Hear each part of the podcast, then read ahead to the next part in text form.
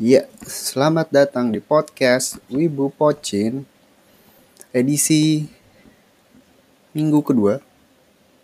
Minggu kedua, minggu ketiga di bulan Desember. Dan minggu kedua, ketiga bulan Desember artinya apa? Artinya Shingoku no Kyojin udah keluar. Jadi buat yang belum baca, langsung aja cek ke website scan later favorit kalian udah bisa dibaca Shingeki no Kyojin chapter 112 top banget. You should you should go read it as soon as you can. Amazing chapter dan gue gue masih gue belum belum belum mau bahas itu sih di edisi minggu ini karena masih ada One Piece juga kan.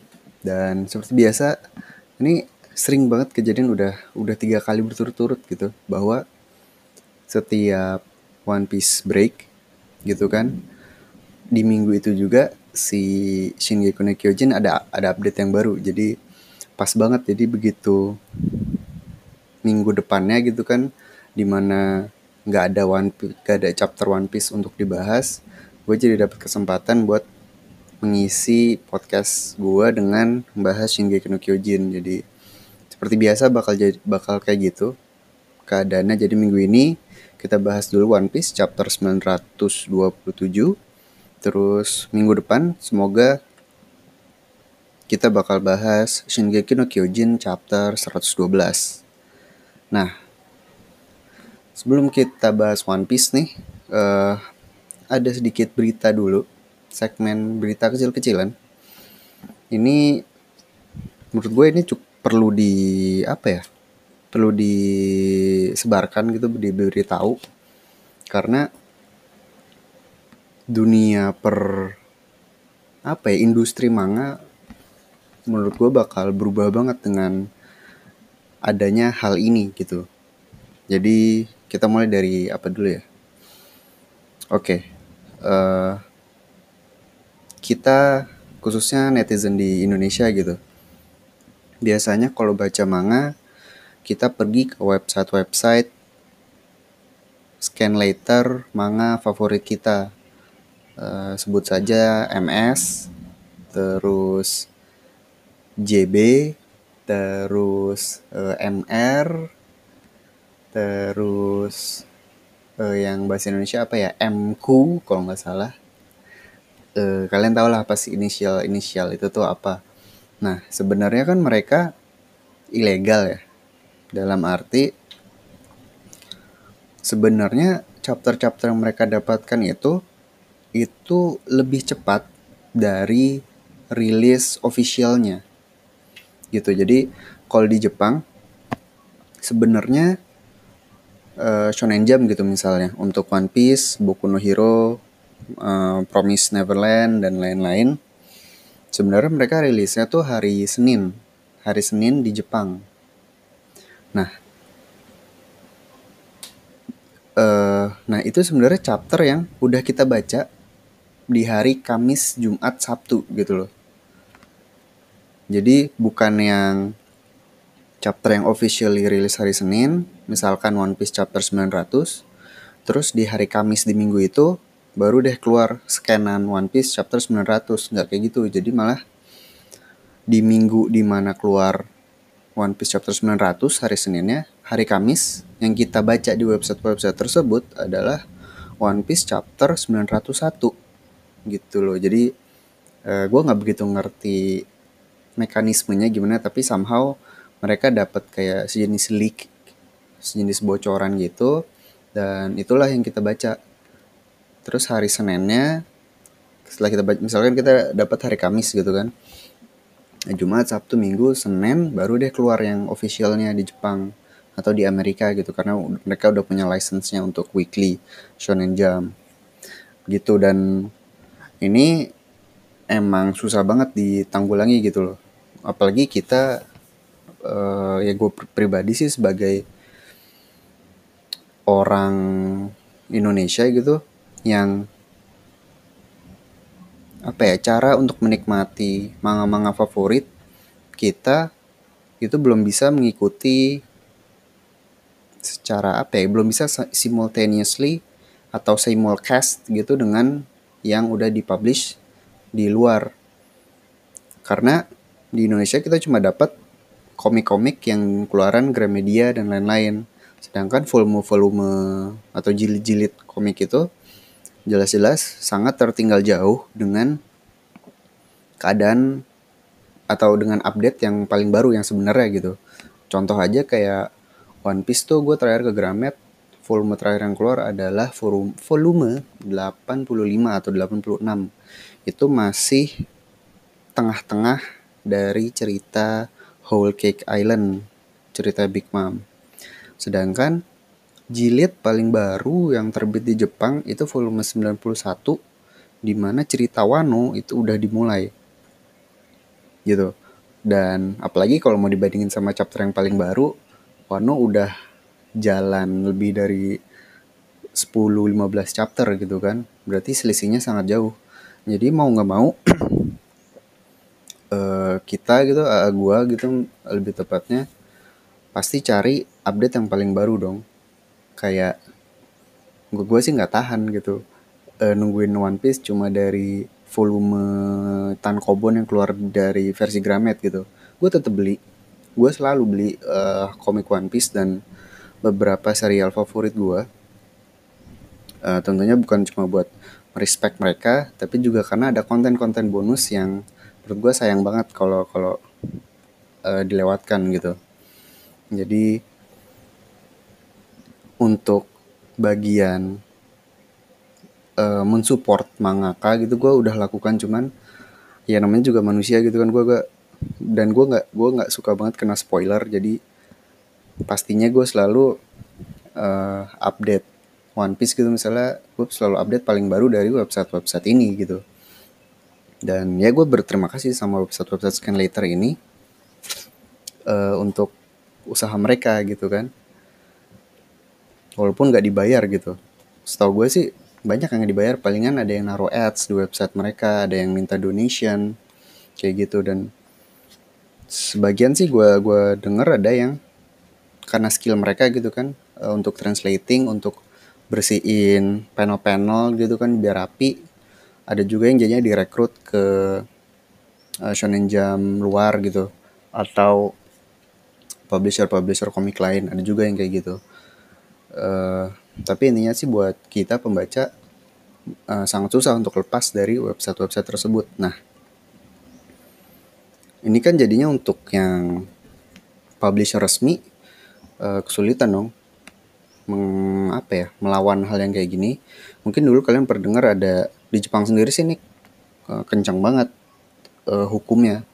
Karena udah sering banget ada berita orang-orang yang ditangkap karena menyebarluaskan bocoran-bocoran dari serial manga gitu. Buat dikasih ke scan later. Dan ternyata itu masih kurang gitu toh. Ya kayak yang ya sekarang sekarang aja gini kita masih bisa baca tiap minggu tiap bulan serial-serial favorit kita dan nggak ada nggak ada kelihatan ada tanda-tanda mereka bakal ditutup gitu. Nah di sini si publisher resmi ini dalam hal ini kalau di Amerika itu yang mengurus yang paling gede ya mereka itu mengurus license license dari serial-serial manga Jepang untuk didistribusikan di luar Jepang khususnya di Amerika Nah, yang paling besar ini namanya adalah Viz, uh, VIZ, Viz Media. Mereka juga salah satu yang melicense Shonen Jump, Weekly Shonen Jump. Jadi kerennya adalah mereka udah mengadaptasi format weekly magazine uh, jauh sebelum eh jauh sebelum ya mereka yang pertama kali di Indonesia sama sekali belum ada kan. Mereka yang pertama mengadaptasi format uh, weekly ini jadi orang di sana nggak nggak jauh-jauh amat selisih selisih chapternya gitu gap gap antara yang mereka baca official dengan yang dengan yang bocor atau dengan yang versi Jepang itu nggak jauh. Di website mereka di Sabtu kemarin, Sabtu kapan tuh? Tanggal 8 ya, 8 Desember di Twitter dan website mereka mereka mengannounce untuk mengubah bisnis model mereka. Nah, ini menurut gue ini keren banget karena seperti yang gue, gue bilang tadi, scan later uh, in a sense uh, gak bisa dilawan gitu. Mereka bakal tetap mengeluarkan chapter-chapter terbaru dan pembacanya juga atau peminatnya nggak bakal berkurang gitu. Kayak ya siapa juga yang nggak mau update terbaru dari serial-serial favorit mereka gitu kan. Nah, jadi untuk melawan scan letter scan letter ini uh, yang menurut gua keren adalah mereka nggak melawan dengan uh, lawsuit atau dengan penangkapan paksa atau gimana. Mereka malah ikut bermain dengan aturan scan letter scan letter ini gitu. Jadi uh, sampai sekarang bisnis model Viz atau apa ya American Shonen Jump ini itu adalah jadi mereka punya apps. Nah kita bisa subscribe sekitar 2 dolar per bulan. Nah, dari subscribe itu nanti kita bisa dapat update manga mingguan yang terbitnya sama dengan official yang di Jepang gitu. Jadi kalau tadi gue bilang hari Senin kan berarti hari Senin yang versi Jepang keluar dan yang versi uh, Amerikanya versi Viznya juga keluar di aplikasi gitu loh. Jadi bisa sama-sama baca di hari yang sama. Tapi kekurangannya yaitu lu mesti subscribe kayak Spotify atau Netflix gitu. Nah, untuk mengatasi ini, mereka mengubah bisnis model mereka menjadi apa ya? Mungkin kalau game bisa dibilang free to play gitu. Uh, jadi uh, instead of full bayar, full membership, sekarang mereka membuat ada untuk free membership. Jadi kalau kalian daftar tapi nggak bayar, kalian dianggap sebagai uh, free member. Tapi yang kerennya adalah sebagai free member, kalian berhak untuk mendapatkan chapter yang paling baru, chapter yang paling update, yang rilisnya sama dengan di Jepang gitu. Jadi yang tadi gue bilang bisnis model sebelumnya 2 dolar sebulan itu menjadi gratis. Jadi begitu kalian daftar, kalian bisa langsung cek chapter-chapter terbaru tanpa harus membayar gitu. Nah, ini kan berarti udah sama dengan para scan later dong. Cuman bedanya ya ada delay sedikit karena ini official release gitu kan sama dengan yang di Jepang. Nah, ini dan ini menurut gue uh, walaupun menurut gue pengaruhnya nggak bakal segitunya apalagi karena oke okay, jadi membership Shonen Jump ini dan kenapa kita nggak pernah dengar gitu itu karena sekarang cuma tersedia di Amerika, Kanada, UK, Irlandia, Selandia Baru, Australia, uh, Afrika Selatan.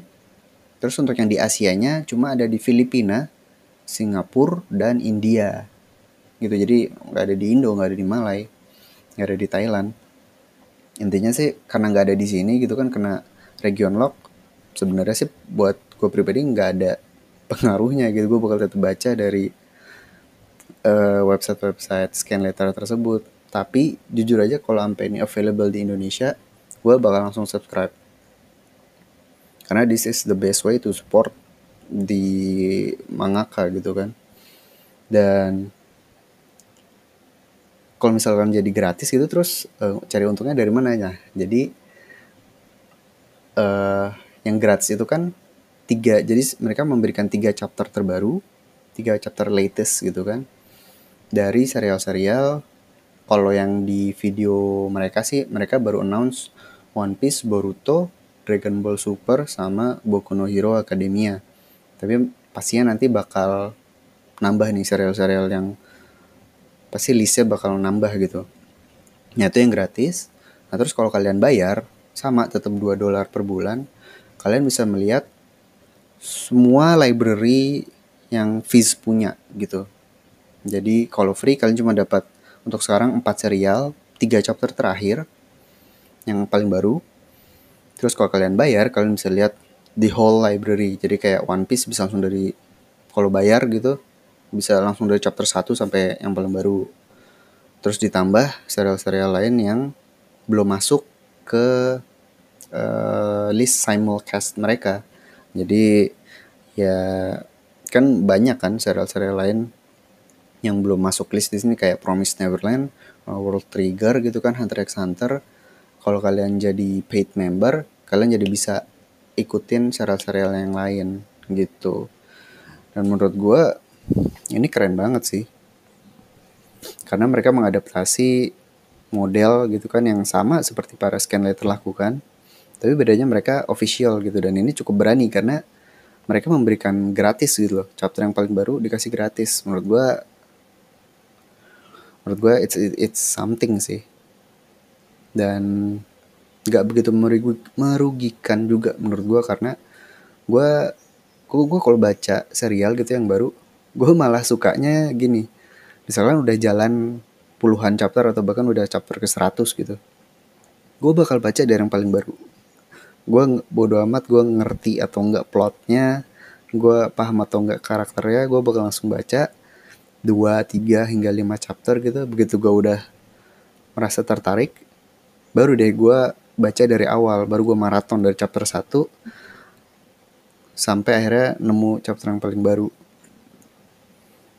Dan menurut gue pasti ada juga sih orang-orang yang kayak gue gini. Jadi ini menurut gue bisnis model yang keren dan uh, para scan later ya berhati-hatilah kalian gitu. Karena concern gue adalah misalkan ini kan udah udah udah jelas nih official release itu hari Senin. Sedangkan kita udah baca duluan di hari Kamis atau Jumat. Kan jadinya obvious banget nih bahwa para scan later uh, yang apa ya yang ilegal ini ada ada ada yang nggak bener dong.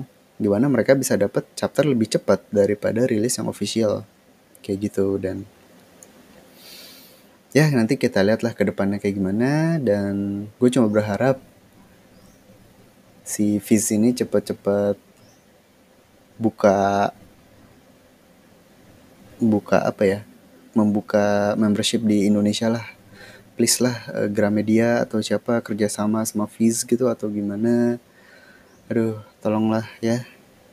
Masa baca Tan Kobon yang ketinggalan 5-6 jilid gitu. Huh ya jadi kira-kira begitulah. Shonen Jump dari Viz dari Amerika the new business model jadi mulainya mereka tanggal 17 Desember uh, recap ya dan kita bisa dapat update dari One Piece, Boku Hero Academia, Boruto, dan Dragon Ball Super gratis 3 chapter untuk 3 chapter terakhir gitu. Dan list ini nanti akan bertambah. Tentunya rilisnya official dan simulcast dengan yang di Jepang, chapternya juga mingguan gitu. Jadi kalau misalnya ini udah keluar di Indonesia sih menurut gue udah nggak ada alasan lagi buat lo uh, untuk nggak subscribe gitu kecuali lu memang mental pembajak gitu kan so ya yeah. Abis ini kita bakal ngomongin One Piece chapter 927 So One Piece chapter 927 Judulnya Otoko Sang Kamuro. Ini chapter yang ya sama kayak chapter kemarin sih. Uh, typical chapter build up lebih ke penggambaran atau penceritaan kondisi dari beberapa karakter sedikit build up uh, karakter baru yang akan muncul terus uh, plot apa yang akan bergulir kayak gitulah kira-kira.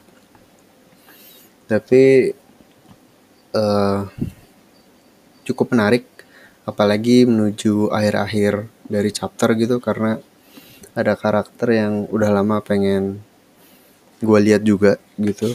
Dan sebentar lagi kayak kita bakal melihat secara langsung karakter itu.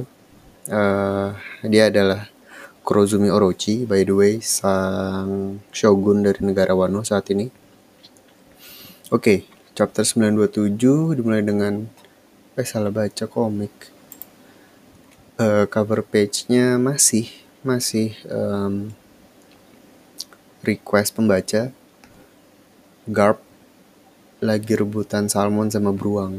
Uh, Oke, okay. next. Chapter ini dibuka dengan ibu kota Wano untuk melihat keadaan para anggota topi jerami khususnya Sanji, uh, Robin, Frankie, dan Usop. Nah, Sanji seperti yang dibilang Nami kemarin gitu bahwa dia ngumpulin banyak orang tapi tidak efektif karena dikumpulin cewek semua. Dan bahkan Frankie juga bilang kalau resep mie emang khusus buat cewek gitu. Uh, dia juga ngasih saran gimana kalau resepnya begini biar banyak samurai yang datang dan he's not amused gitu kan. Emang kampret lah si Sanji ini. Tapi uh, tentu saja bukan cuma tidak ada cowok yang datang gitu giliran ada yang datang ternyata mereka adalah para preman gitu ya. Uh, by the way di halaman 4 ini gue baru sadar. Oke jadi di halaman panel yang paling bawah ini kan ada orang antri banyak nih. Salah satunya tuh kayaknya Okama deh. Jadi kalau kalian ada yang tinggi nih badannya agak bungkuk lehernya uh, gue sangat yakin itu kumis gitu ya. Uh, oke okay. anyway preman ini mengaku dari klan Kyoshiro. Dan kita udah pernah melihat si Kyoshiro ini itu waktu uh, pertama kali Robin muncul di Arkwano sebagai seorang geisha di mana dia melayani si bosnya Kyoshiro ini. Jadi ternyata Kyoshiro ini adalah uh, anggota Yakuza atau lebih tepatnya si Kyoshiro ini bosnya gitu kan dan gue ya walaupun belum 100% confirm dugaan gue dulu salah gitu. Jadi gue dulu sempat mengira bahwa Kyoshiro ini adalah salah satu dari sembilan samurai gitu yang uh, apa ya istilahnya berada di bawah uh, Shogun Oden. Tapi ternyata dia uh, yakuza gitu kan yang berarti dan bahkan dia ada hubungan dengan bajak laut Kaido jadi ya ternyata dia ada di pihak yang jahat gitu. Jadi dugaan gue salah. Maaf ya semua. Uh, terus dan tentu saja preman ini sok-sok melakukan hal preman gitu dan sayangnya mereka melakukan hal yang paling buruk. The, the, the worst thing possible to do to Sanji yaitu membuang makanan. Apalagi ini makanan yang Sanji buat gitu kan. Uh, dan tentu saja karena anak-anak Straw Hat udah tahu mereka langsung cabut.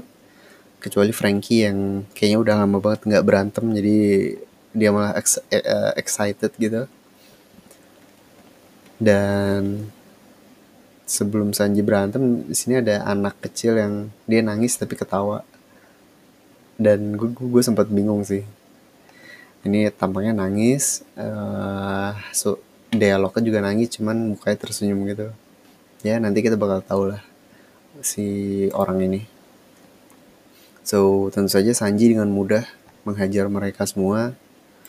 Uh, ditambah bonus lagi Frankie juga berhasil membanting salah satu preman itu dengan sebuah suplex yang super kalau kata Frankie.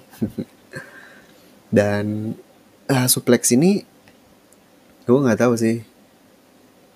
Memang apa ya apakah memang jurus-jurusnya Frankie ini uh, asalnya dari atau punya base gulat gitu? Gue nggak begitu inget tapi yang gue ingat adalah ini adalah jurusnya si Senior Pink yang Frankie lawan waktu di Dressrosa. Jadi ini seakan-akan kayak apa ya setelah melawan senior pink gerakan-gerakan gulat Frankie jadi bertambah gitu. Sungguh hard boiled.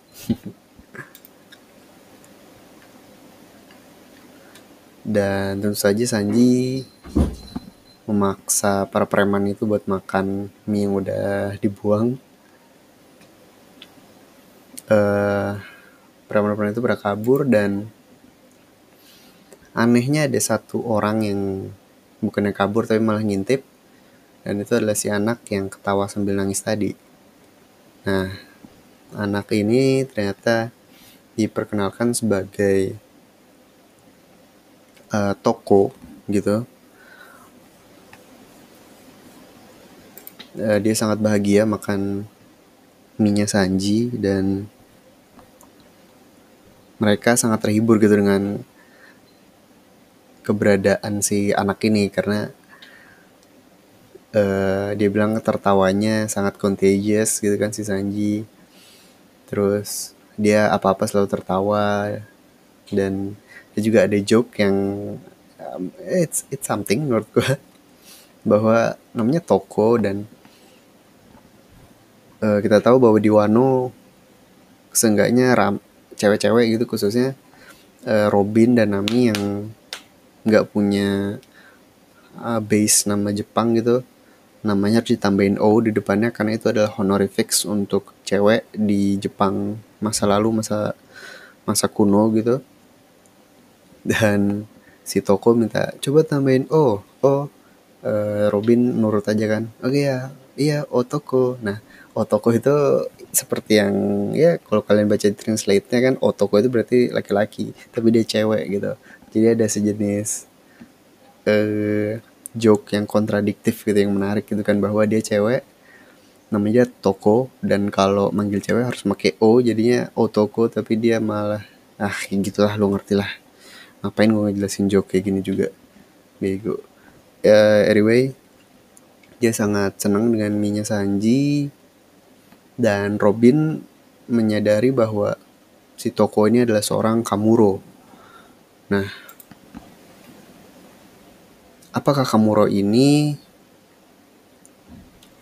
Untungnya ada seorang nenek ajaib yang muncul tiba-tiba. Dan dia akan menjelaskan informasi yang cukup menarik dan lagi-lagi ini tambang emas seperti yang gue bilang dari dulu beberapa minggu lalu bahwa Wano Arc ini merupakan tambang emas untuk referensi budaya Jepang gitu, untuk budaya, sejarah dan mitologi Jepang seperti itu. Nah kali ini uh, cerita atau lebih tepatnya sejarah yang akan disampaikan adalah mengenai courtesans atau oiran. Kalau dari cerita si nenek nenek gurunya si Robin ini Oiran adalah top idol adalah superstar di negeri Wano Kencat, kecantikannya tidak tertandingi dan saat ini ada satu orang yang menempati posisi tersebut yaitu seorang wanita bernama Komurasaki. Nah, di sini dia menghypekan kecantikannya Komurasaki nih seakan-akan udah luar biasa banget gitu uh, mirip kayak waktu orang-orang menghypekan kecantikannya buah Hancock. Jadi dan karena kecenderungan Oda sendiri untuk uh, variasi wanita cantik, uh, desain wanita cantik buatan Oda tuh jujur, jujur aja menurut gue nggak begitu banyak gitu variasinya. Banyak yang mirip banget lah satu sama lain. Nggak beda jauh. Jadi nanti desainnya Komurasaki sendiri gue nggak heran kalau ya nggak jauh-jauh dari buah Hancock atau Vivi gitu kan. Uh, anyway uh, si nenek ini sangat apa ya sangat yakin gitu. Dan di sini dia juga bilang ke Robin gitu bahwa dia berhasil untuk diundang ke kastilnya Shogun Orochi karena hari ini memang ada acara makan-makan di kastilnya dia dan Robin diundang. Jadi misi Robin bisa dibilang sukses karena dia berhasil infiltrate ke ke kamarnya Shogun langsung gitu dan dia bisa melihat Shogun bisa mendapatkan informasi yang dibutuhkan untuk nanti penyerangan. So good job Robin. Dan Oke, sebelum lanjut, hmm, oke okay, kayaknya gue mau ngomongin tentang ini dulu tentang Oiran dan uh, Kamuro. Jadi nggak beda jauh dengan yang si nenek itu jelaskan memang Oiran ini atau courtesans uh, ringkasan singkatnya ya super high class uh, cewek super high class yang bekerja sebagai wanita penghibur gitu. Dan gue bilang wanita penghibur karena memang uh, sejarahnya Oiran ini masuk ke kategori uh, apa ya PSK gitu. Jadi salah satu servisnya ya memang hubungan seksual. Cuman bedanya Oiran ini seperti yang gue bilang tadi super high class. Jadi untuk menjadi seorang Oiran itu sangat sulit karena mereka harus mereka wajib pintar uh, baca tulis gitu kan pinter uh, dalam apa ya pembicaraan gitu. Bisa ngobrol dengan lancar dan ngobrolnya yang high class yang pintar gitu. Bisa perform berbagai jenis kesenian alat musik uh, tari nyanyian gitu pada masa itu. Dan tentunya harus cantik juga. Jadi memang sangat-sangat sulit gitu ya jadi nggak sesimpel menemani tidur lah gitu istilahnya. Dan pada zaman Edo eh enggak, enggak bukan zaman Edo sih lebih lebih kuno lagi di Jepang biaya untuk uh, menyewa gitu kan menyewa oiran ini satu malamnya luar biasa mahal. Jadi kalau zaman dulu di Jepang tuh mata uangnya masih pakai emas emas yang bentuknya kayak biskuit er, uh, lidah kucing. Kalian tahu lidah kucing kan yang pipih gitu. Bentuk emasnya kayak gitu. Nah, satu keping emas itu satu rio istilahnya. Nah, satu rio itu misalkan disetarakan dengan uang zaman sekarang itu kalau dijadikan yen itu sekitar 300 uh, eh, ribu yen. Jadi kira-kira 30 juta, 30 juta semalam untuk menyewa oiran which is mah ya mahal gitu kan. Apalagi kalau kita meng apa ya istilahnya melihat inflasi dan segala macam 30 juta di zaman itu pasti extremely expensive gitu kan. Jadi bukan cuma mahal para oyeran ini juga sangat prestisius sangat high class di mana mereka punya hak untuk menolak klien-klien yang datang ke mereka gitu. Jadi nggak sembarang orang bisa kasih duit terus langsung bawa mereka pulang. Gitu jadi emang bener-bener cuma orang-orang spesial doang yang bisa menggunakan jasa mereka dan mereka pun punya hak untuk menolak it, menolak mereka gitu. So di sini diliatin saking cantiknya orang-orang jadi silau terus banyak yang pingsan. Terus ada ada ada pasukan pertolongan pertama juga gitu udah disiapin karena ada banyak mayat-mayat mimisan. Uh, di sini juga si Otoko datang, dia bilang telat gitu kan karena habis makan mie dan sini kita lihat se se apa ya? Sebagian se aduh itulah pokoknya kelihatan hidungnya nih si Komurasaki uh, dan dia menyambut si Otoko Nah, Otoko ini dia bilangnya Kamuro kan.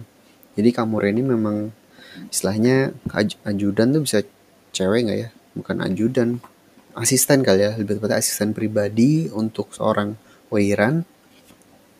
Dan jumlahnya cukup banyak, bener-bener tugasnya tuh seperti asisten pribadi aja, memenuhi kebutuhan si Oiran sehari-harinya dan sebagai gantinya mereka bakal mengajarkan ilmu-ilmu yang begitu banyak yang mereka miliki. Ilmu-ilmu ya you know uh, etika tata krama uh, ilmu-ilmu seni gitu kan performing arts kepada kamuro-kamuro ini karena nantinya mereka akan menjadi oyeran yang berikutnya kayak gitu. Dan hmm, ya kira-kira begitulah mengenai oyeran dan kamuro. Jadi intinya si Komurasaki ini super high class dan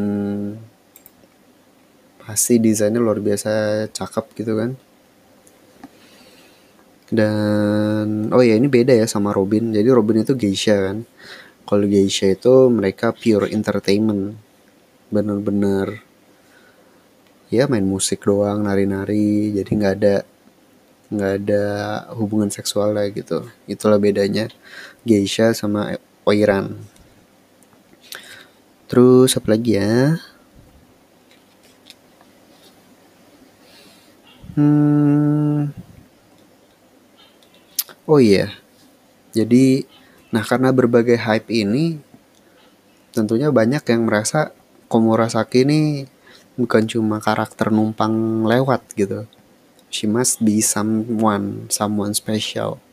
Dan tentu aja kandidat pertama yang muncul adalah eh sebelumnya gue sempet sama gue ngerasa dia adalah buah Hancock tapi ya nggak mungkin lah ya cuman gue pikir gitu karena hype-nya mirip kayak hype-nya buah Hancock aja sih anyway kandidat yang paling banyak muncul untuk uh, teori atau teori dari siapa sebenarnya si Komurasaki ini uh, itu adalah Kozuki Hiyori. Jadi seperti yang kita lihat di beberapa chapter sebelumnya waktu flashback bagaimana cara Kinemon dan kawan-kawan bisa ke masa depan gitu kan. Jadi si ibunya Momonosuke kan eh jadi sebenarnya Momonosuke ini punya adik kan, adik perempuan namanya Kozuki Hiyori. Nah cuman waktu di flashback itu si ibunya uh, Kozuki Toki sama Hiyori mereka nggak ikutan pindah ke masa depan mereka stay di situ mereka ngikut ke masa depan dan uh, sebenarnya belum jelas kan apakah waktu pin dia ikut pindah ke masa depan cuman hilang atau nggak ikut pindah terus gimana. Dan kemarin gue juga udah sempat bahas kemungkinan kemungkinannya gitu kan. Jadi kalau dia nggak ke masa depan bahwa kita bakal ketemu lagi dengan dia dengan versi dewasanya gitu. Karena dia menjalani 20 tahun hidup gitu tanpa ya tanpa time traveling. Jadinya udah dewasa sekarang. Dan karena itu sangat mungkin banget bahwa si Komurasaki ini sebenarnya adalah si Hiyori gitu. Gue juga kalau yang gue bilang kemarin kan dia kemungkinan muncul sebagai salah satu samurai gitu atau bahkan anak buahnya Orochi. Tapi ini juga bagus gitu kan karena berarti uh, namanya juga anak ratu gitu pasti something lah ya. So anyway jadi kebanyakan orang menduga bahwa Komurasaki ini sebenarnya adalah adiknya Momonosuke yaitu Kozuki Hiyori. Hmm. Nextnya ada lagi si Kyoshiro. Itu seperti yang gue bilang tadi, tadi ternyata dia memang Yakuza, dia punya hubungan sama Kaido gitu bahkan dia bisa mengontak langsung Queen gitu di mana dia minta Queen ngirim beberapa pembunuh buat mengatasi Sanji dan kawan-kawan. Uh, si Kyoshiro juga diundang ke acara makan-makannya Orochi by the way. Dan next panel di kastilnya uh, Wano. Akhirnya kita melihat sosok dari Kurozumi Orochi. Walaupun bentuknya masih siluet gitu dah. Di sini ada yang mengabari bahwa sang kortesan, sang oiran Komurasaki telah menuju kastil dan di sini si si tentu saja si Orochi gitu dia dia, dia sangat excited dengan kedatangan Komurasaki dan dia kayak akhirnya hari ini aku akan bisa memilikimu. Tentu saja yang surprising di sini adalah siluetnya karena di sini kita melihat bukannya siluet manusia tapi malah ular. Dan kepalanya ada banyak. At least kalau di bayangan ini tuh ada satu dua tiga empat. Seenggaknya ada lima. Ada lima kepala naga atau ular gitu. Dan tentu saja ini sense some people make some people go wild gitu karena teori-teori mereka uh, setengah dikonfirmasi gitu. Teori apakah tersebut? Habis ini kita bakal ngomongin nih the real myth of this chapter. Untuk bagian atau segmen kali ini kita bakal sedikit belajar sejarah, bukan sejarah sih lebih tepatnya. Um, belajar dongeng-dongeng atau folklore dari Jepang. Ini bukan bukan dongeng juga sih karena kisah-kisah ini memang yang akan menjadi dasar dari salah satu agama terbesar di Jepang, kepercayaan terbesar di Jepang yaitu uh, Shinto, agama Shinto. Jadi kalau kalian tahu di sana orang-orang mayoritas itu ya dulu sih gue nggak tahu mungkin 2-3 tahun belakangan mulai mulai berubah gitu tapi yang jelas seenggaknya di 10 tahun yang lalu lah hingga lima tahun yang lalu mayoritas orang Jepang tuh menganut kepercayaan Shinto. Nah, dasar dari kepercayaan Shinto ini itu adalah eh, manuskrip-manuskrip uh, atau kisah-kisah gitu dari beberapa kitab ada banyak gitu dan yang paling uh, terkenal gitu yang paling banyak diadaptasi lebih tepatnya untuk berbagai pop culture di Jepang itu adalah Kojiki. Karena di dalam manuskrip Kojiki ini banyak mengisahkan tentang dewa-dewa Jepang seperti uh, Amaterasu, uh, Susanoo, dan tentunya si Yamata no Orochi ini yang akan kita bahas. Jadi Yamata no Orochi ini salah satu karakter uh, antagonis di dalam manuskrip Kojiki. Jadi dia nggak uh, termasuk apa ya dewa-dewa yang baik lah gitu. Dia dia dia sebenarnya bisa dibilang cuma salah satu karakter di dalam kisahnya si um, Susanoo gitu. Jadi sebenarnya ini adalah kisahnya Susanoo dan penjahatnya atau antagonisnya di sini adalah si Yamata no Orochi. Gitu. Jadi sebenarnya kisahnya si Susanoo dan kalau di manuskripnya sendiri ini panjang banget. Kisahnya tuh komplit. Kalau kalian tertarik menurut gue uh, coba aja baca. Karena cukup komplit dan kalian bakal paham berbagai referensi yang nantinya mungkin akan muncul di uh, kisah Wano ini. Dan kalaupun enggak kalian bisa menjadikan ini referensi buat cerita-cerita di serial lain gitu. Kayak Naruto itu banyak banget kan kayak eh, nama-nama tekniknya Uchiha gitu misalnya itu tuh ada semuanya yang dari Susanoo, uh, Amaterasu, uh, Kus, apalagi satu lagi yang mata itu tuh Izanagi, Izanami, terus juga ya si Orochimaru gitu kan dengan pedang Kusanaginya, terus juga bakal kita bahas. So anyway, untuk jadi untuk kisahnya ini gue bakal fokusin ke yang ada Orochinya gitu. Jadi si Yamata no Orochi ini adalah hewan uh, mistis gitu berbentuk naga atau ular yang memiliki delapan kepala dan delapan ekor. Uh, banyak penggambaran dia tuh beda-beda. Kebanyakan ular sih, tapi ada juga yang menggambarkan dia sebagai naga. Jadi jadi nggak nggak salah juga kalau yang kita lihat di chapter 928 ini eh 928 927 ini uh, naga gitu dari siluetnya kayak naga kan. Jadi si naga berkepala 8 ini kerjaannya di bumi itu dia tiap tahun dia meminta kurban untuk dia makan setiap tahunnya gitu. Nah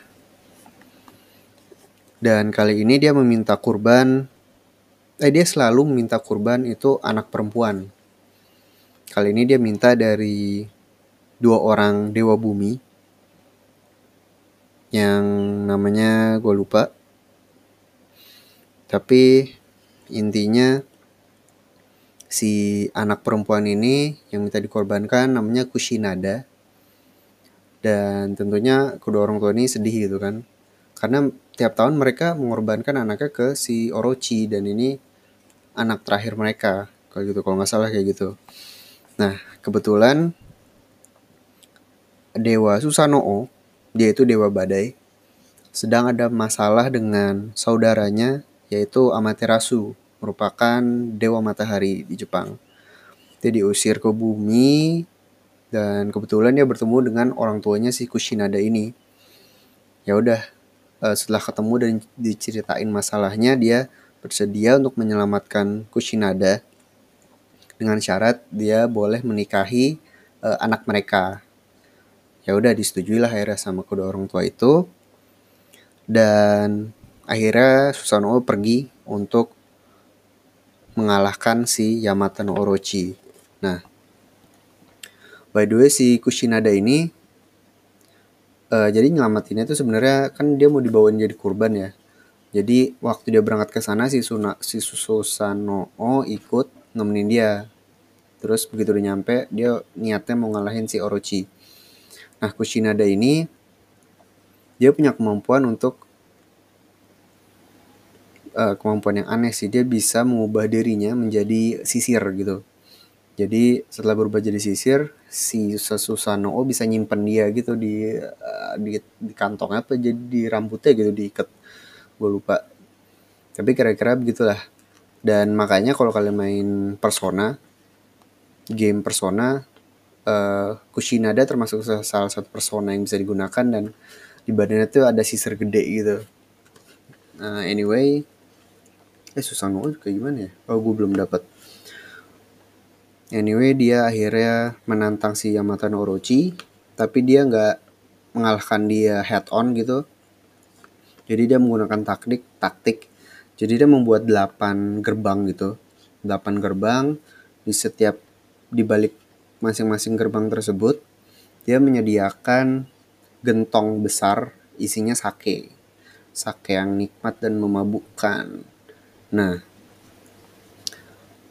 karena si Orochi ini demen banget sake jadi begitu datang diserahkan gitu kan langsung aja tuh jadi masing-masing dari kepala masuk ke gerbang set set set set, set. Jadi tiap gerbang ada sakenya kan jadi tiap kepala tuh minum tuh. Banyak kan 8 kepala puas banget. Minum semua. Nah terus karena sakenya strong banget jadinya tidur si Orochinya. Nah akhirnya kesempatan ini diambil oleh Susanoo untuk menebas si Yamata no Orochi yang sedang tidur ini. I know gak, gak, gak begitu manly tapi yang penting clever kan taktiknya. Yang penting berhasil dia berhasil. Dan taktik ini dia berhasil membunuh Yamata no Orochi uh, dan akhirnya dia juga berhasil hidup kembali hidup dia berhasil menyelamatkan Kushinada menikah gitu kan. Dan dia juga berhasil menyelesaikan masalahnya dengan Amaterasu karena waktu lagi motong-motong si Orochi ini dia menemukan sebuah pedang legendaris di dalam tubuhnya Orochi. Namanya pedang legendaris Kusanagi. Nah, pedang Kusanagi ini sendiri merupakan satu dari tiga uh, artefak artefak legendaris di Jepang. Jadi kalau nggak salah itu ada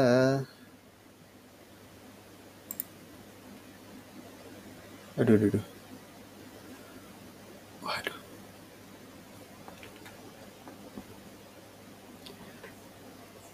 Ada tiga artefak. Yang pertama pedang, Kusanagi, yang kedua ya Sakani no Magatama. Dan yang ketiga itu adalah Aduh, mana ini artikelnya? Dan Yata no Kagami. Nah, Kusanagi itu pedang seperti yang tadi udah gue bilang. Terus Yasakani no Magatama itu dia seperti kalung, kalung ya perhiasan gitulah.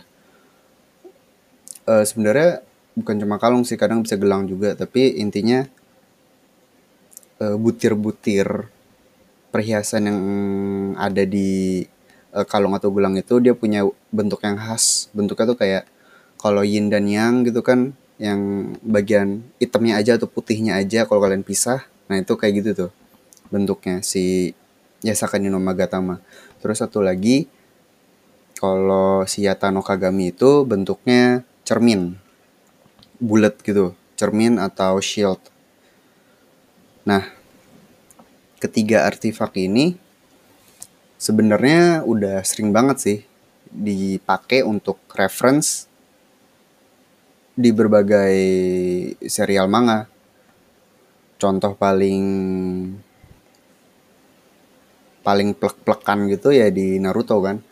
Jadi untuk teknik-tekniknya Uchiha gitu khususnya kayak Susanoo, Amaterasu itu semuanya ada kan. Nah, kalau Yatano Kagami itu sama si Yasaka no Magatama ini adalah teknik turunan punyanya si Itachi waktu dia make teknik Susanoo gitu. Jadi kalau nggak salah ya Tano Kagami ya jadi kayak shield gitu. Terus kalau yang Yasaka no Magatama kayak uh, shuriken range attack gitu. Nah, terus kalau Kusanagi sendiri tentunya itu itu kan senjatanya si Orochimaru kan yang dia pakai dan ya gitu. Sorry. Kalau di Naruto kayak gitu. Dan kalau di One Piece ya Tano Kagami itu salah satu tekniknya si Kizaru yang membuat dia bisa warp dengan sangat cepat. Itu ya Tano Kagami. Untuk ya Sakane no Magatama so far belum ada referensi di One Piece dan Kusanagi ini gue yakin sih bakal jadi bakal muncul dan bakal related sama si Kurozumi Orochi. Oke, okay, itu tadi udah tentang kisah Yamata no Orochi dan Susanoo. Sekarang kita bakal coba masuk ke sesi cocok logi gitu. Kita coba cari-cari apa yang kemungkinan bakal digunakan oleh Oda sebagai uh, reference atau apa pun yang bisa dipakai yang bisa dihubungkan ke Kurozumi Orochi yang di One Piece gitu. Jadi hubungannya antara Yamata no Orochi dengan Kurozumi Orochi. Oke, yang pertama obviously dari nama dan penampilannya itu udah udah dead giveaway banget. Uh, udah pasti si Kurozumi Orochi ini emang referensi saya dari si Yamata Orochi Nah terus yang kedua dari penampilannya yang naga berkepala banyak ini tentunya kita berpikir bahwa dia punya buah iblis uh, Zoan atau lebih tepatnya mythical Zoan. Nah, kalau memang dia buah mythical Zoan uh, dan dan it's fine gitu. Tapi ada beberapa teori yang cukup menarik gitu bahwa si Orochi ini mythical zone-nya nggak alami. Gitu jadi seperti yang kita tahu anak-anak buahnya Kaido itu mereka memiliki kemampuan buah iblis bajakan gitu kan dari Smile. Smile ciptaannya si Caesar Clown. Jadi so far kita udah lihat para gifters dan headliners yang memiliki kemampuan setengah binatang. Dan ini menarik sih gimana kalau sebenarnya Orochi itu adalah salah satu pengguna awal dari Smile. Kayak gitu. Lagian kan kita sejauh ini juga belum melihat kayak militernya Wano gitu. samurai samurai-samurai yang berada di bawahnya Orochi ini seperti apa kita sama sekali belum pernah lihat. Ya kan? So far kita cuma lihat anak buahnya Kaido doang. Jadi nggak heran kalau anak buahnya Orochi juga menggunakan smile. Gitu, tapi ada kemungkinan juga sih uh, karena ada samurai kan ada kayak honor of code-nya uh, kalau berantem harus pakai pedang dan and something tapi karena memang Orochi ini korup kan bisa aja anak buahnya juga ya nggak bener juga gitu dan the uh, dan contoh nyatanya ya dari si pemimpinnya ini bahwa si Orochi adalah salah satu pengguna Smile. Jadi kalau memang dia menggunakan smile itu cukup menjelaskan sih kenapa di panel terakhir chapter 927 itu eh uh, eh 927 92 berapa nih hmm, hmm, hmm. oh ya 927 927 ini dia siluetnya udah dalam wujud naga. Padahal dia lagi ngomong sama orang biasa gitu kan dan dia juga lagi nyantai gitu. Uh, jadi ya karena memang pengguna smile itu mereka nggak punya yang namanya mereka nggak bisa mengendalikan form manusia atau hewannya. Ya kan?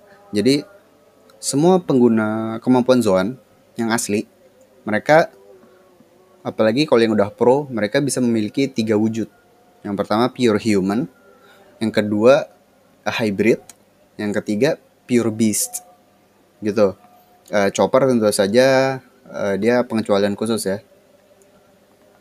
Mungkin contoh paling nyata itu yang benar-benar visually kelihatan itu adalah si Rob Lucy.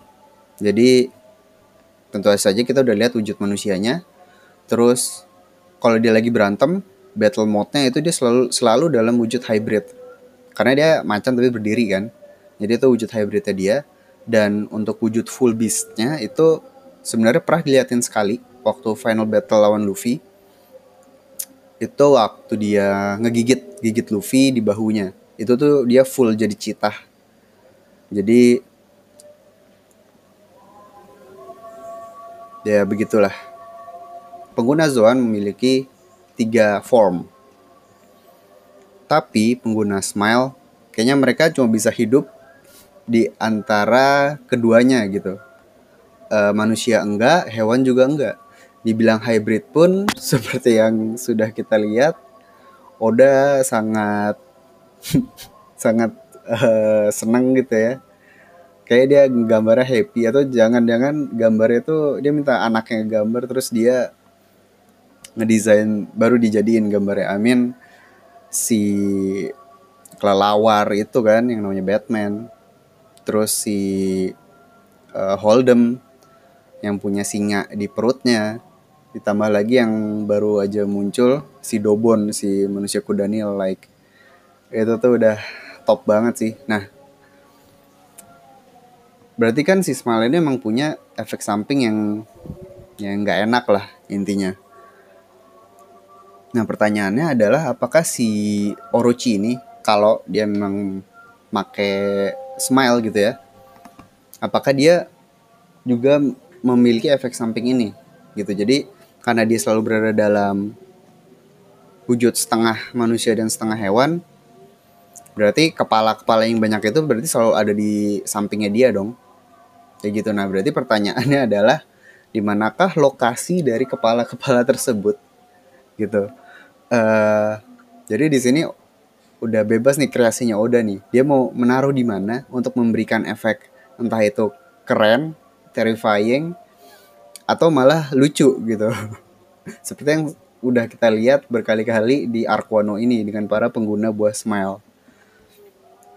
Nah kalau oke kita ngomong yang enaknya dulu gitu kan. Kalau karena gue masih percaya bahwa Orochi akan memiliki desain yang keren gitu. Gak tahu sih kenapa. Kena, uh, kenapa gue mikir gitu, feeling aja. Um, jadi kalau emang mau keren, menurut gue salah satu desain yang oke adalah dengan membuat kepala-kepalanya itu ada di punggungnya dia. Gitu kan di punggung dia, punggungnya dia empat di kiri, empat di kanan, terus nanti bentuknya jadi kayak sayap gitu. I think that looks cool. Uh, atau mungkin jadi bagian dari tangannya gitu kan, jadi tangannya ada banyak, lumayan atau mungkin di sekitar pinggangnya dia gitu kan jadi set mengelilingi dia not that Nah, kalau udah mau melucu gitu kan dengan desainnya si Orochi ini mungkin bisa keluar dari uh, pantat mungkin jadi jadinya malah bukan 8 kepala tapi 8 ekor atau di depannya pantat mungkin. jadi dia punya 9 kepala. Ya. Uh, anyway, kita masih belum tahu itu dan dari sifat juga intinya belum ada clue sih tentang Orochi ini kira-kira visualnya bakal seperti apa karena personalitinya juga belum kelihatan. Dan ngomong-ngomong personality kadang-kadang Oda suka ngaco juga kan tampaknya keren uh, sifatnya ngaco atau kebalikannya. Tampaknya ngaco sifatnya cool banget gitu kan walaupun ya uh, secara general kalau tampangnya udah nyebelin pasti sifatnya jauh lebih nyebelin gitu. Contoh si Steli terus Tenryubito dan ya karakter-karakter menyebalkan lainnya. Oke okay. itu tadi tentang buah iblisnya si Orochi. Terus selanjutnya yang menurut gue bisa disambungkan itu adalah senjatanya Orochi ini related ke combat style-nya dia jadi di awal-awal Wano itu tuh sempat ada scene jadi kayak ada sekolah gitu kan anak-anak SD lagi di belajar sejarah tentang negara Wano. Nah, yang ngajarin itu itu gue yakin banget sih salah satu headliner karena dia bisa jadi ular gitu kan kepalanya bisa jadi panjang. Uh, dan di situ yang diajarkan kepada anak-anak itu tentunya adalah sejarah sejarahnya Kaido dan Orochi gitu kan. Karena uh, seperti pepatah bilang uh, yang menulis sejarah adalah pemenang perang gitu. Jadi dalam kasus ini sejarah yang diajarkan ke anak-anak itu adalah bahwa Shogun Shogun Oden adalah orang yang jahat karena ingin membuka batas negara Wano membuka negara Wano ke dunia dan Shogun Orochi serta Kaido adalah penyelamat dari negara Wano karena berhasil menghentikan si Oden. Gitu. Jadi namanya memang udah hancur nih si Shogun Oden. Tambah lagi dengan propaganda-propaganda sejarah ini kan. Nah, uh, salah satu hal yang menarik adalah jadi si salah satu anaknya ini karena dia mengidolakan Orochi gitu kan. Dia bilang bahwa e, aku aku jadi Orochi. Uh, Orochi dengan gaya dua pedang kayak gitu kan. Terus dia megang kayak dua penggaris kalau nggak salah terus main-main sama temennya. Nah ini ini udah udah dari awal sebenarnya foreshadowing banget sih dan emang salah satu penyebab kenapa gue dan mungkin beberapa orang juga nge-hype untuk fight antara Zoro dan Orochi sebagai final battle di Wano. Gitu karena hampir dipastikan bahwa Orochi adalah samurai dan dia memiliki uh, gaya dua pedang. Kalau Zoro tiga kan? Nah pedangnya ini gue yakin salah satunya itu adalah pedang Kusanagi. Gitu. Jadi seperti yang ada di kisah Yamata Norochi dia punya pedang Kusanagi dalam perutnya gitu kan? Tapi dalam hal ini dia menggunakan pedang itu untuk bertarung. Seperti halnya ya kayak si Orochimaru gitu kan? Yang Kusanaginya juga dia pakai sebagai salah satu senjatanya. Dan gue yakin ranking pedangnya Kusanagi ini pasti salah satu top top tier uh, at least Meito lah. Uh, Meito itu nah ini dia. Uh, Meito. Uh, ini tuh ranking pedang-pedang di dunia One Piece kan? Jadi sebagai pengingat gitu jadi Meito ini ada beberapa ranking. Jadi yang biasa itu ada Wazamono. Jumlahnya ada banyak dan yang masuk karakternya itu pedangnya si Tashigi namanya Shigure. Juga pedangnya si Zoro Sandai Kitetsu. Yang kalau nggak salah udah itu pedang yang hancur atau bukan ya? Uh, oh nggak nggak nggak. Kita Sandai Kitetsu masih dipegang oleh Zoro. Dan dia masuk ranking Wazamono. Ya tier 3 lah. Terus tier 2 nya itu ada Ryo Wazamono itu cuma ada 50 di dunia One Piece gitu. Dan yang masuk uh, kategori ini itu pedangnya Yubashiri pedangnya Zoro yang hancur waktu di uh, Enies Lobby gitu. Terus naik lagi ya ada Owazamono itu cuma ada 21 ya bisa bilang tier 2 nya gitu. Uh, yang masuk kategori ini itu adalah dua pedang yang lagi Zoro pegang itu pedang Shusui yang warna hitam. Satu lagi Wado Ichimonji pedang Zoro yang pertama kali dia punya itu yang sampai sekarang masih dipakai. Terus ada juga pedang Nidai Kiretsu yang lagi yang mestinya lagi dibawa oleh Luffy. Cuman kayaknya karena ditangkap penjara udah nggak tahu deh itu ke mana pedangnya. Itu untuk Owazamono terus untuk tier satunya yang paling mantap itu ada Saizo Owazamono uh, Supreme Grade nah untuk pedang-pedang Supreme Grade ini contoh yang paling top tentunya adalah pedangnya Mihawk yang hitam namanya Yoru. Itu dia masuk ke Supreme Grade. Terus satu lagi yang udah confirm uh, sebagai Supreme Grade itu Shodai Kitetsu. Jadi selain Sandai Kitetsu dan Nidai Kitetsu yang paling topnya ini sih Shodai Kitetsu dan dia belum menunjukkan penampilannya di mana pun. Tapi karena si Nidai Kitetsu udah kita lihat muncul di Wano gitu kan dan dipegang oleh Luffy walaupun belum sempat dipegang oleh Zoro tapi uh, banyak yang meyakini bahwa pedang ini akan muncul di cerita Wano. Ada juga uh, teori yang mengatakan bahwa Shodai Kitetsu itu uh, sebenarnya nggak ada atau lebih tepatnya sudah hancur dan cara buat menciptakan ulangnya itu adalah dengan melebur Nidai Kitetsu dengan uh, Sandai Kitetsu gitu jadi uh, nantinya mungkin di cerita Wano ini salah satu pedang Zoro bakal hancur nanti bakal dilibur dengan Nidai Kitetsu yang nantinya somehow masih bakal dipegang sama Luffy gitu kan dan akhirnya jadilah pedang top level yaitu Shodai Kitetsu. Tapi ya itu kan salah satu teori aja mungkin. Tapi menurut gue salah satu yang salah satu teori yang cukup oke okay adalah pedang itu dipegang oleh Kurozumi Orochi. Karena dia memiliki uh, stylenya dua pedang kan. Jadi pedang yang pertama adalah Kusanagi seperti yang gue bilang tadi. Dan satunya lagi adalah uh, Shodai Kitetsu. Jadi tentunya sebagai top militer di negeri Wano gitu kan negara yang para prajurit prajuritnya itu menggunakan katana yang para prajuritnya itu adalah para, samurai gitu kan. E, nggak heran kalau pemimpinnya memiliki dua atau tiga pedang terkuat yang ada di negara tersebut gitu. Jadi menurut gua si Orochi memiliki pedang Kusanagi dan Shodai Kitetsu sekaligus.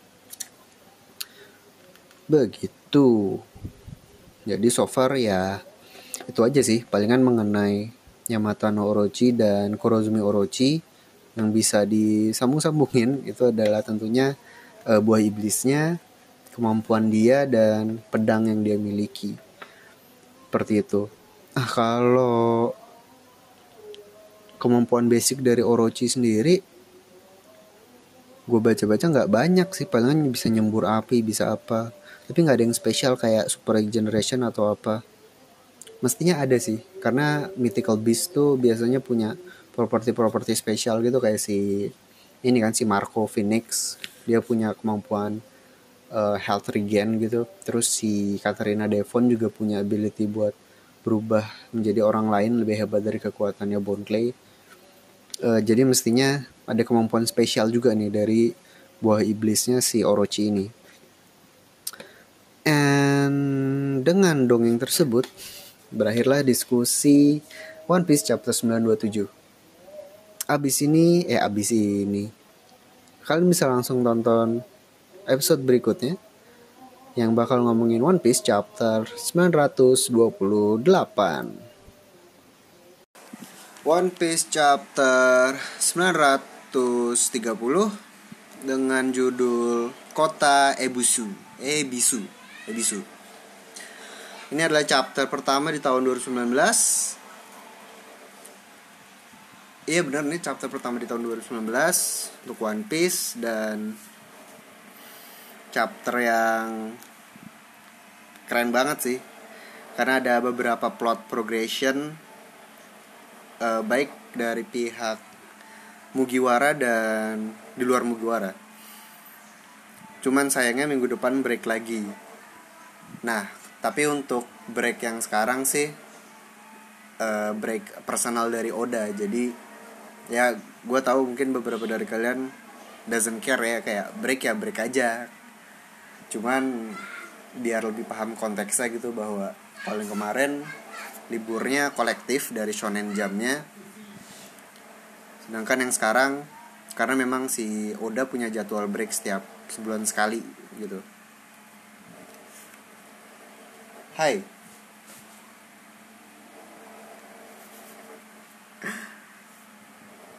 Chapter ini dibuka dengan cover page-nya masih request uh, pembaca. Dan kali ini salah satu request paling aneh sih atau paling absurd yang pernah gue lihat karena emang sih belakangan Oda mulai menerima request untuk karakter di luar uh, Straw Hat, di luar Mugiwara. Pernah ada yang uh, Aokiji sama Akainu di taman gitu kan uh, mempracticing apa namanya seni motong-motong bonsai gitu terus yang gini menurut gue nih yang paling aneh sih karena ada cracker yaitu anak buahnya Big Mom sama satu lagi Uruge salah satu uh, worst generation dan yang mereka lakukan adalah balapan lumba-lumba itu absurd banget dan tapi tetap ada sentuhan yang uh, manis dari Oda bahwa dia si Cracker bisa menang karena dia pakai kekuatannya buat mancing lumba-lumbanya gitu. Oke, kita masuk ke dalam chapternya. Dibuka dengan Zoro. Uh, gue sedikit gak menyangka gitu bahwa kita fokus balik ke Zoro. Karena kemarin gue merasa kayak udah gue bilang kayaknya nggak gak begitu penting gitu. Uh, tambah lagi karakter yang dia temenin juga aneh si Tono Yasu ini. Uh, dan juga ternyata kota pinggirannya beda sama yang uh, kotanya Luffy yang pertama itu jadi kalau yang kotanya Luffy dia di sebelahnya Kuri sedangkan yang ini pas di sebelahnya uh, ibu kota Wano di uh, Flower Capital jadi tetap beda kota dan di dalam kota ini isinya adalah orang-orang yang sejenis dengan Tonoyasu bahwa mereka eh, dalam kemiskin kemiskinan pun atau kesedihan apa pun selalu tertawa. Gue nggak tahu sih ini eh, reference ke entah cerita atau budaya Jepang apa tapi di translationnya juga udah dijelasin tentang uh, patung Ebisu yang memang senyumnya ya selebar orang-orang di desa itulah gitu. Uh, kalau menurut gue sih arc ini eh atau lebih tepatnya si Zoro ini bakal dapat uh, spotlight sendiri kemungkinan dia bakal punya mini arc sendiri gitu. Kalau memang dia bakal bertahan di uh, kota Ebisu ini.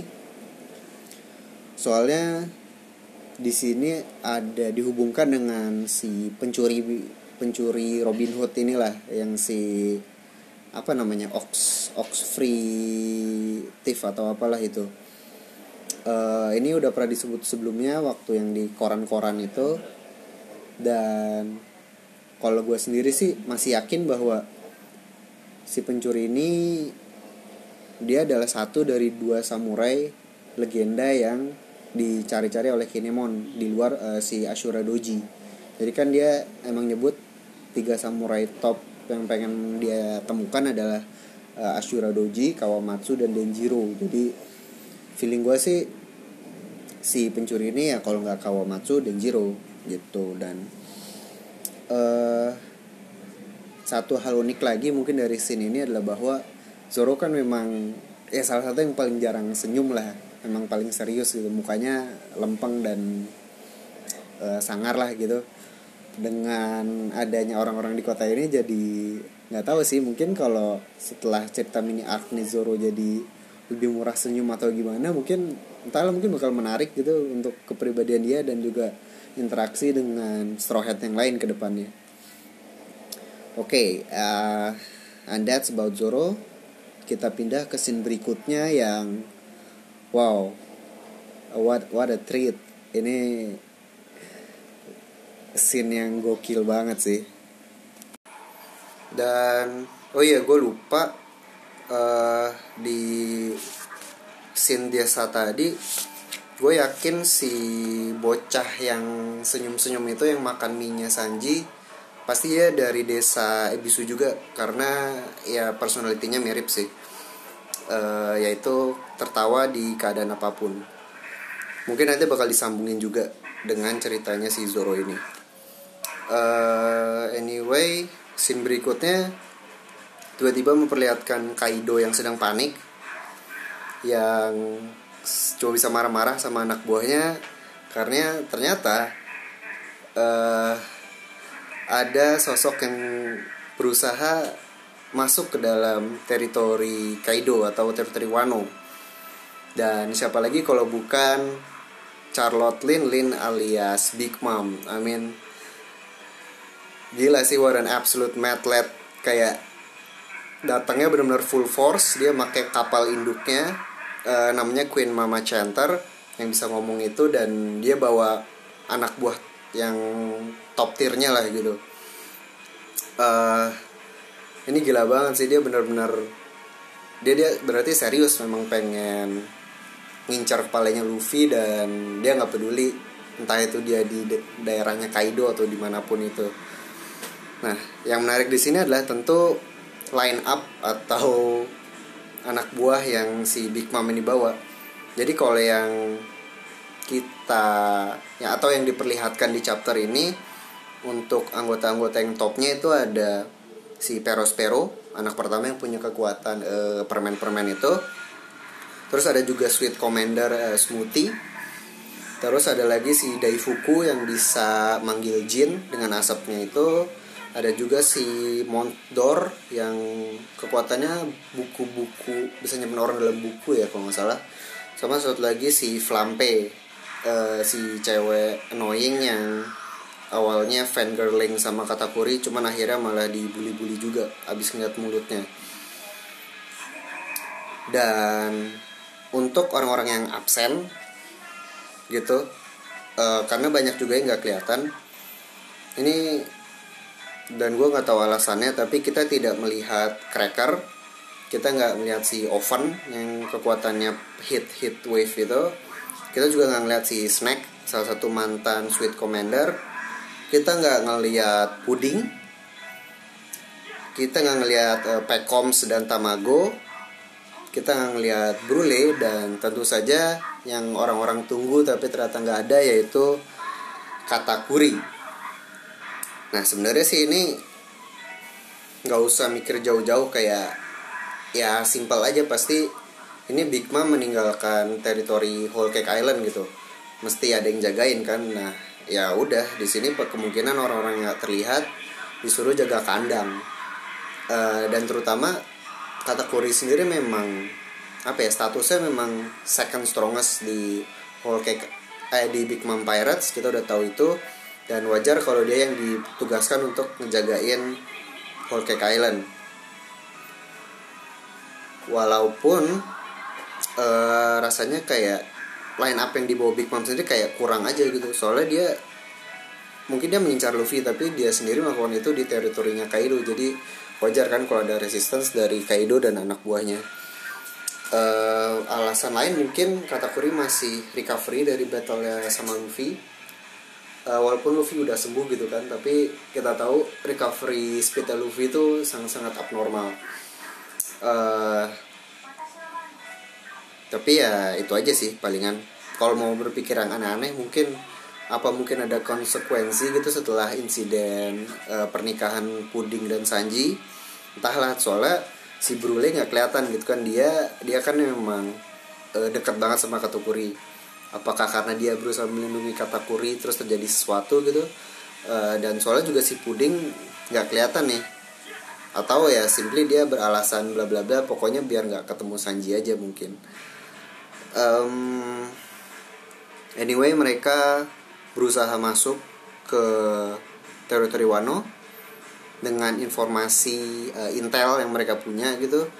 Entah berapa tukang nasi goreng yang mereka punya dan oh ya ini ada halaman yang menarik gitu bahwa ada spread gitu kan waktu Big Mom mau manjat dan Kaido-nya uh, pokoknya marah-marahin anak buahnya buat menghentikan si Big Mom. Uh, as far as I know, ini adalah pertama kalinya dua orang Yonko berada dalam satu halaman tanpa ada bayangan atau siluet-siluet gitu. so far menurut gue ini yang pertama kalinya dan uh, menurut gue ini big moment aja sih. Walaupun mereka nggak apa ya belum hadap-hadapan gitu belum face to face karena lokasinya memang jauh. Uh, atau kalau misalkan mau kalian bandingkan kayak waktu perang perang apa namanya perangnya Whitebeard tuh uh, Blackbeard dan Whitebeard tapi waktu itu si Kurohige belum jadi Yonko terus waktu Shanks datang ke perang kayaknya Whitebeardnya udah udah mati udah mati duluan. Jadi uh, menurut gue ya benar sih. Ini adalah pertama kalinya dua Yonko berada dalam satu halaman di One Piece. Uh, dan Skaido sendiri juga marah-marah doang.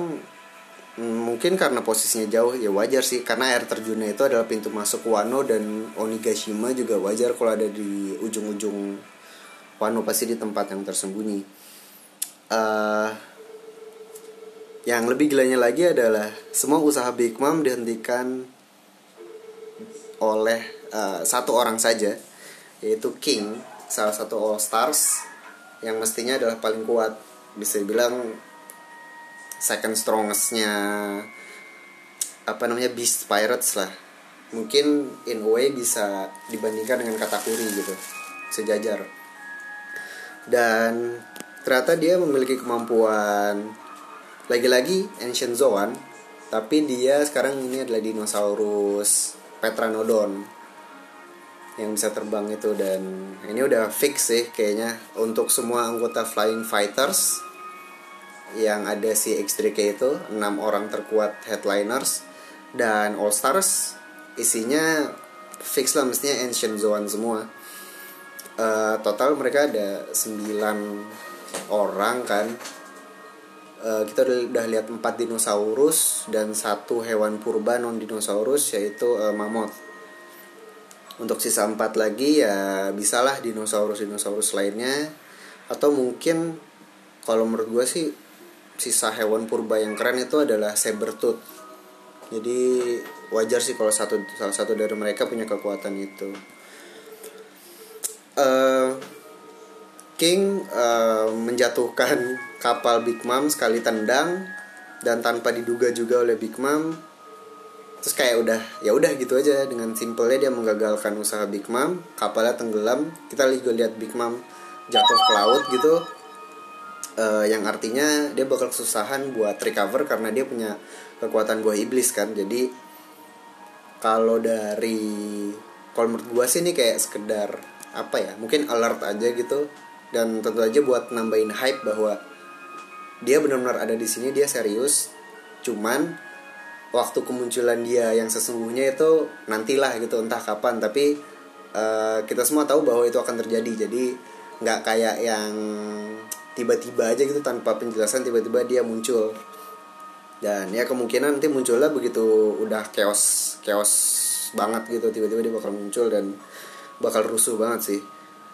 Uh, ngomong juga banyak yang kayak komen gitu di forum-forum bahwa oh kalau misalkan ada seseorang yang bisa melihat masa depan pasti King bisa digagalkan cuman ya menurut gue ini salah satu bukti bahwa kata Kuri emang nggak ikutan uh, untuk sebagai apa ya pasukan yang menyerbu Wano sih. Oke, okay. uh, eh, setelah ini kita pindah ke scene berikutnya balik ke Straw Hat.